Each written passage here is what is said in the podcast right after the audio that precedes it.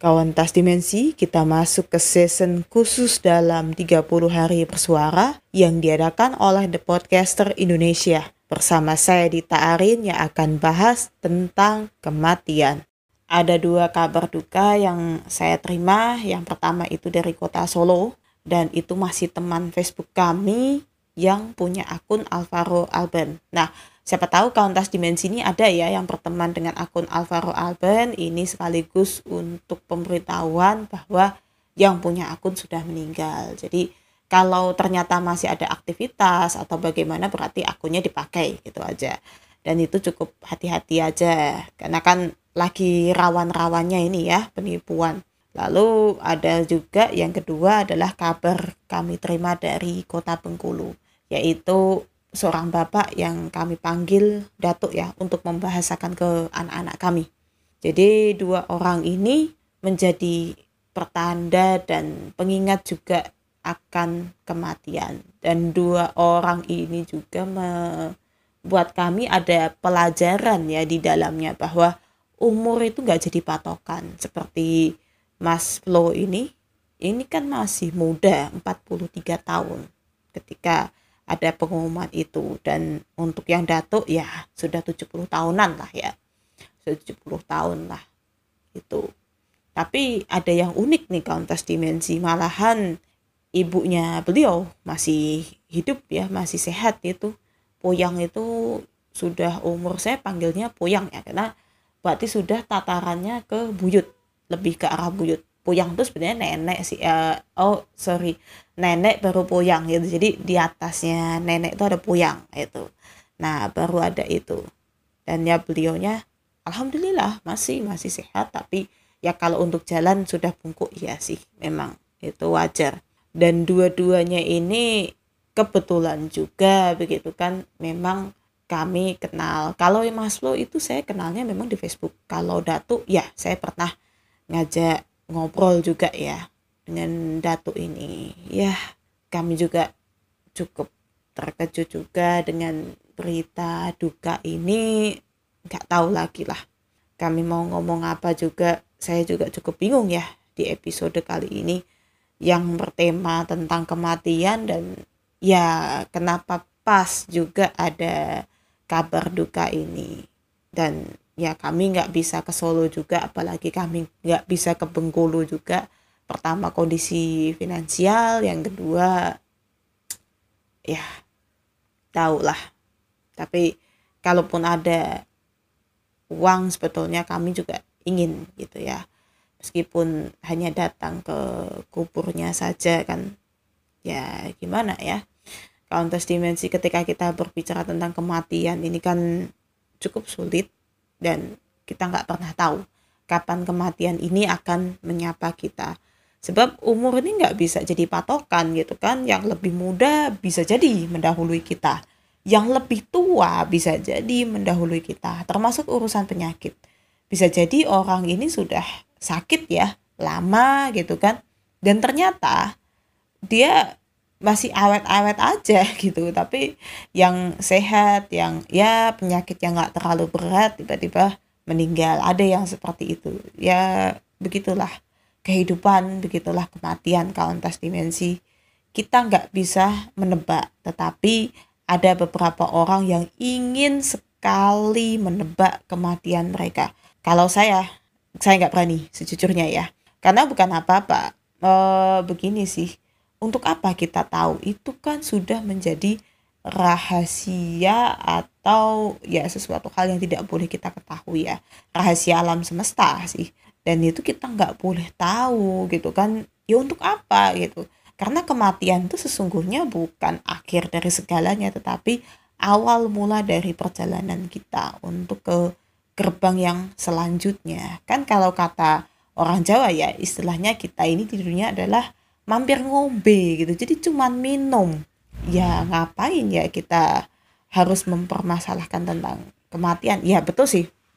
Kehilangan seseorang itu pahit lantas dimensi. Tapi kita nggak bisa juga ya kalau kita harus bersedih terus ketika kita kehilangan seseorang. Dan kita juga nggak boleh terlalu takut untuk menghadapi kematian yang ada. Karena sesungguhnya setiap makhluk ya akan menghadapi itu tinggal bagaimana kita mempersiapkan akan hal itu. Artinya ketika kita berpisah dengan dunia ini ya dengan cara yang baik dengan cara yang enak gitu ya. Kalau kata orang enak tapi ah seenak-enaknya tuh kayak apa? Saya nggak tahu. Karena saya juga ya tentu dong tentang kematian saya minim ya pengetahuan akan hal ini. Nah, orang-orang yang saya tadi bilang ya, ingin melampaui gitu kan, ingin mengetahui dahulu, alasannya itu simpel karena sebelum mereka meninggal gitu, mereka ingin sekali berbuat baik dulu. Gitu. Jadi setelah setelah ini ya, setelah tahu misalnya gitu kan, oh ya berarti misalnya tiga tahun kemudian si Anu gitu kan bakalan meninggal. Oh si Anu ini mau berbuat baik dulu gitu. Ini gimana ya? Saya nggak tahu juga sih. Kenapa orang-orang nih pikirannya sampai sebegitunya? Malah saya nganggep ini nih mau nipu Tuhan atau gimana gitu. Jadi nanti kalau masih lama tuh dia mau foya-foya dua tahun kemudian mau berbuat baik gitu kan. Nggak bisa lah. Kalau seandainya orang itu misal ya dalam waktu dekat gitu ternyata kematian itu sudah menjemput ya kita kan nggak tahu juga.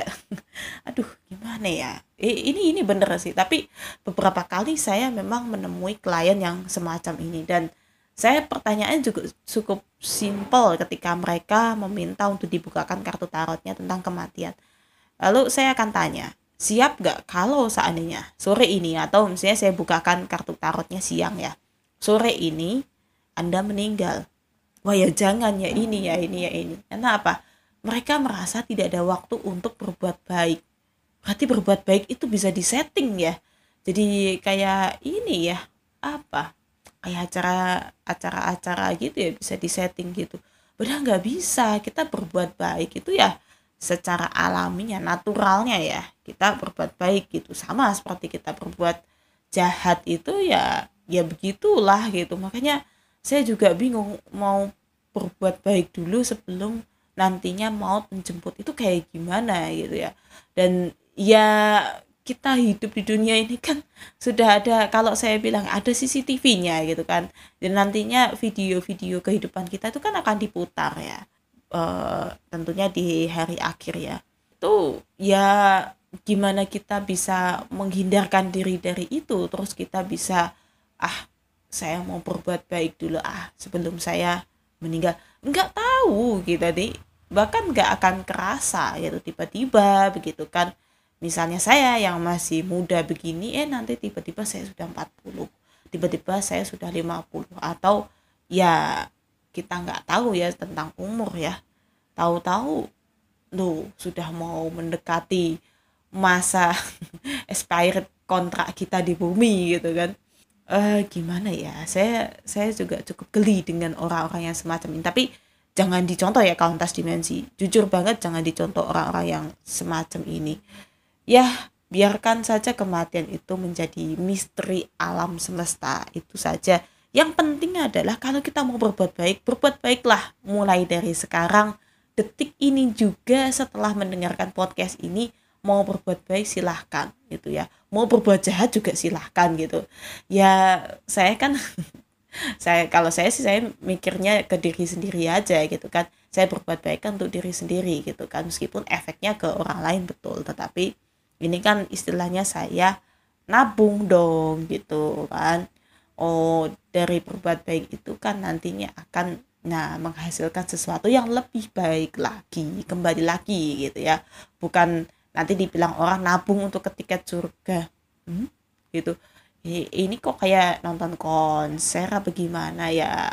Uh, berandai-andai boleh sih gitu. Maksudnya kita menggunakan istilah boleh sih tapi rasa-rasanya ya jangan kayak gitu bener ya. Ah entahlah saya juga pusing mau menjelaskan. Jadi ya alangkah baiknya kalau kita mau berbuat baik sekarang aja berbuat baik. Kenapa sih harus nunggu kita tahu oh saya akan meninggalnya satu tahun kemudian ya ngapain gitu? Coba dilihat orang-orang yang ini ya maaf ya kena covid itu kan apakah mereka akan tahu bahwa 2020 akan menjadi akhir dari tahun mereka? Mereka nggak pernah tahu gitu. Dan kita juga nggak pernah tahu gitu kan akan terjadi hal semacam ini juga gitu.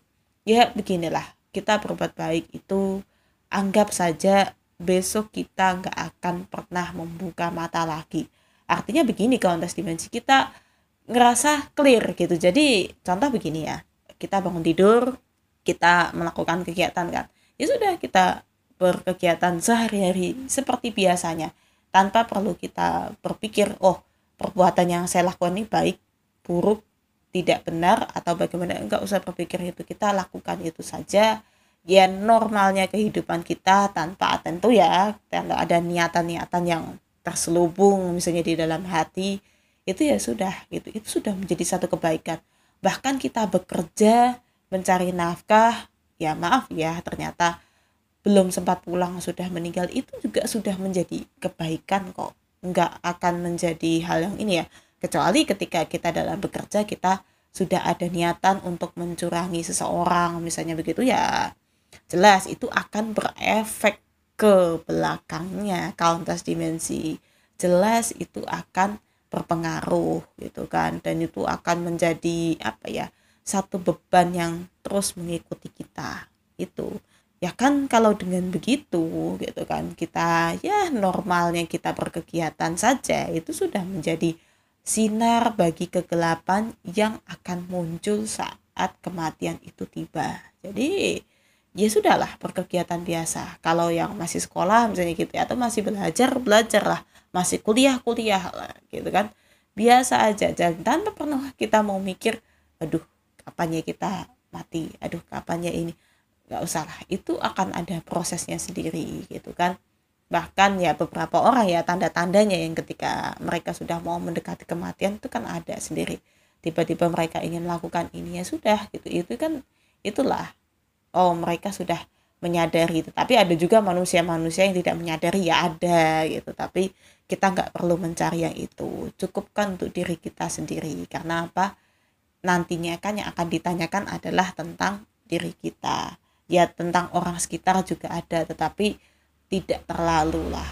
Untuk itu kan yuk kalau kita mau berbuat baik sekarang aja. Nggak usah nunggu nggak usah sampai tanya ke tarot reader nggak usah sampai tanya ke cenayang kapan matinya nggak usah. Udah kalau mau berbuat baik start from here. Sekarang ayo.